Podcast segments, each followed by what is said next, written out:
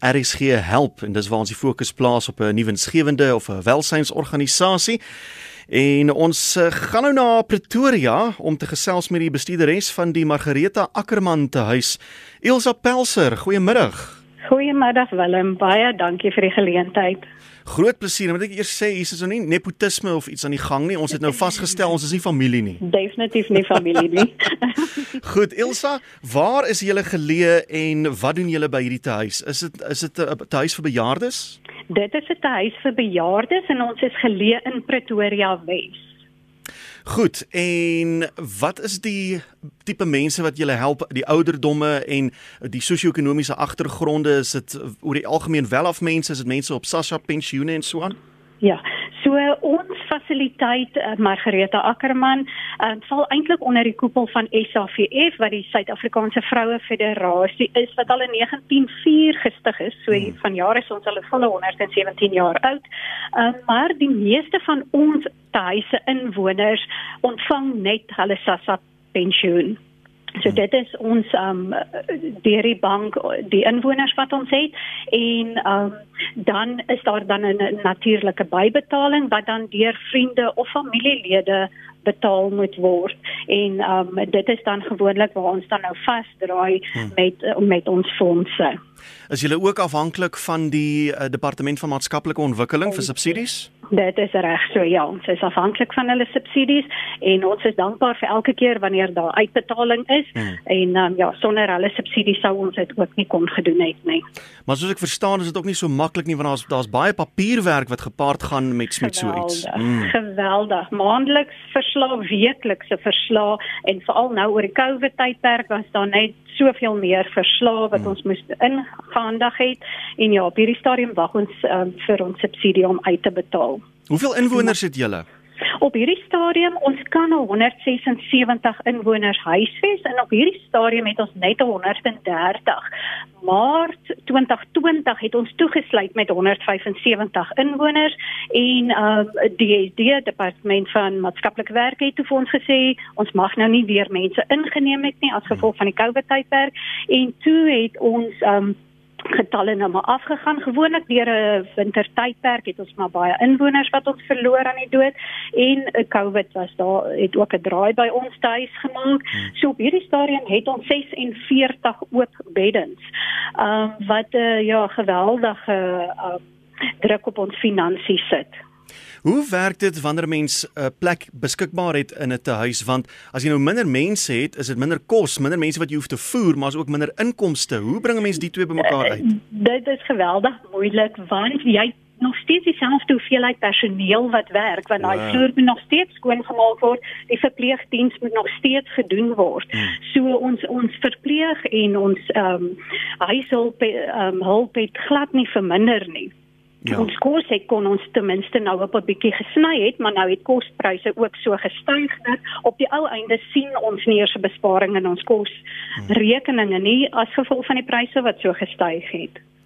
Nou daar jy het gepraat van julle val bietjie kort wat die fooie betref en julle maak of die die die, die bejaardes maak staat op vriende en familie om die verskil in te ja. betaal. Maar wat doen julle in die uh, lig van fondsinsamelings om julleself ook te help? Gewoonlik ons groot fondsinsameling was nou ons kermis wat ons een keer 'n jaar gehou het. Verlede jaar en hierdie jaar kon ons dit nou nie gedoen het nie as gevolg van COVID omdat ons nou maar bang is vir ons inwoners. Ons probeer ons inwoners sover as moontlik beskerm, mm. beskerm om nie die kiem in te bring ouer huis toe nie. Ehm um, so dit, dit was ons groot fondsinsameling en dan natuurlik ons donateurs ook.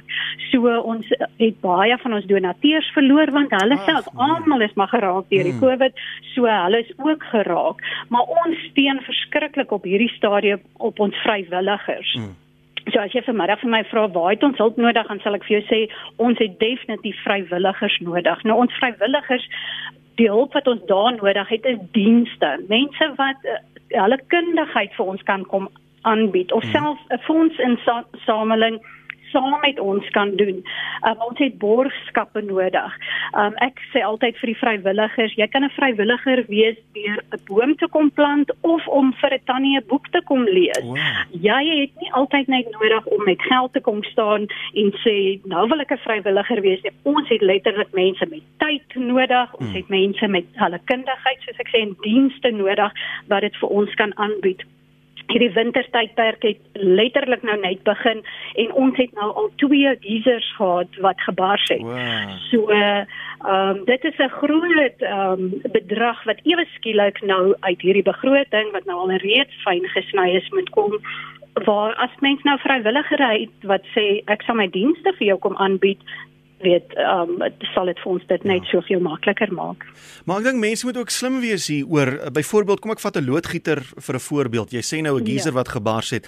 So ja. sê net maar 'n loodgieter kontak julle en sê luister ek ehm um, sal vir julle 'n geyser skenk ek sal hom kom installeer, maar met julle fonds volgende fondsinsameling wil ek my banier daar op hê. Uh, ons sal dit met graagte doen. Ons sê ook vir al ons donateurs, elke keer as iemand vir ons iets skenk of bring, dan adverteer ons dit op ons Facebook bladsy. So die mense kan gaan kyk, ons het 'n Facebook bladsy. Ons adverteer elke liewe doen donasie wat ons kry. Adverteer hmm. ons, ons gee vir die mense blootstelling op die hele SAVF um bladsy wat baie groot is. Ja, so mense moenie noodwendig dit sien as uh de, iemand het nou iets nodig en ek moet dit gee nie want in elk geval 'n goeie ding is dit dit is goed en dit moet gebeur maar ja. hulle kan eerder ook daarna kyk as 'n as 'n uit 'n bemarkingsoogpunt. Presies, presies. Ja. Um, ons sal ons sal hulle definitief daarmee help ook. Ek wil gou-gou by jou hoor wat COVID betref, jy het nou vinnig daaraan geraak. Ek dink dit is verskriklik moeilik om so iets te bestuur in 'n huis vir bejaardes want hoe verduidelik jy aan 'n tannie van 80 plus, 'n oom van 90 plus, hy kan nou nie sy kinders of kleinkinders sien nee. vir die volgende maand of 2 en andersom. Nou verduidelik jy, nou moet ja. jy op die foon sit met die mense en sê maar luister ek baie jammer, jy kan nie nou jou pa uitvat vir ete nie. Dit is dit eh, wat vir ons verskriklik moeilik, weet jy, Hulle men toe hulle verlede jaar vir ons gesê het lockdown, grendeltyd het ons nie gedink dit gaan so lank wees nie. So hmm. ons het gedink 3 weke en dit is verby en toe het dit net langer en langer aangehou. So dit het 'n geweldige emosionele impak op ons inwoners gehad. Ons het nou in die huis probeer om by ons normale rotines te hou sodat ons nou maar daai normaliteit vir hulle kon gehou het. Maar ehm um, Nou sê jy oom of tannie van 80, nou kan jy jouself voorstel, hulle kinders is alself bejaard. Ons oudste ja. inwoner is 96 en ons gemiddelde ouderdom is 76. So hulle kinders is al reeds ook bejaardes.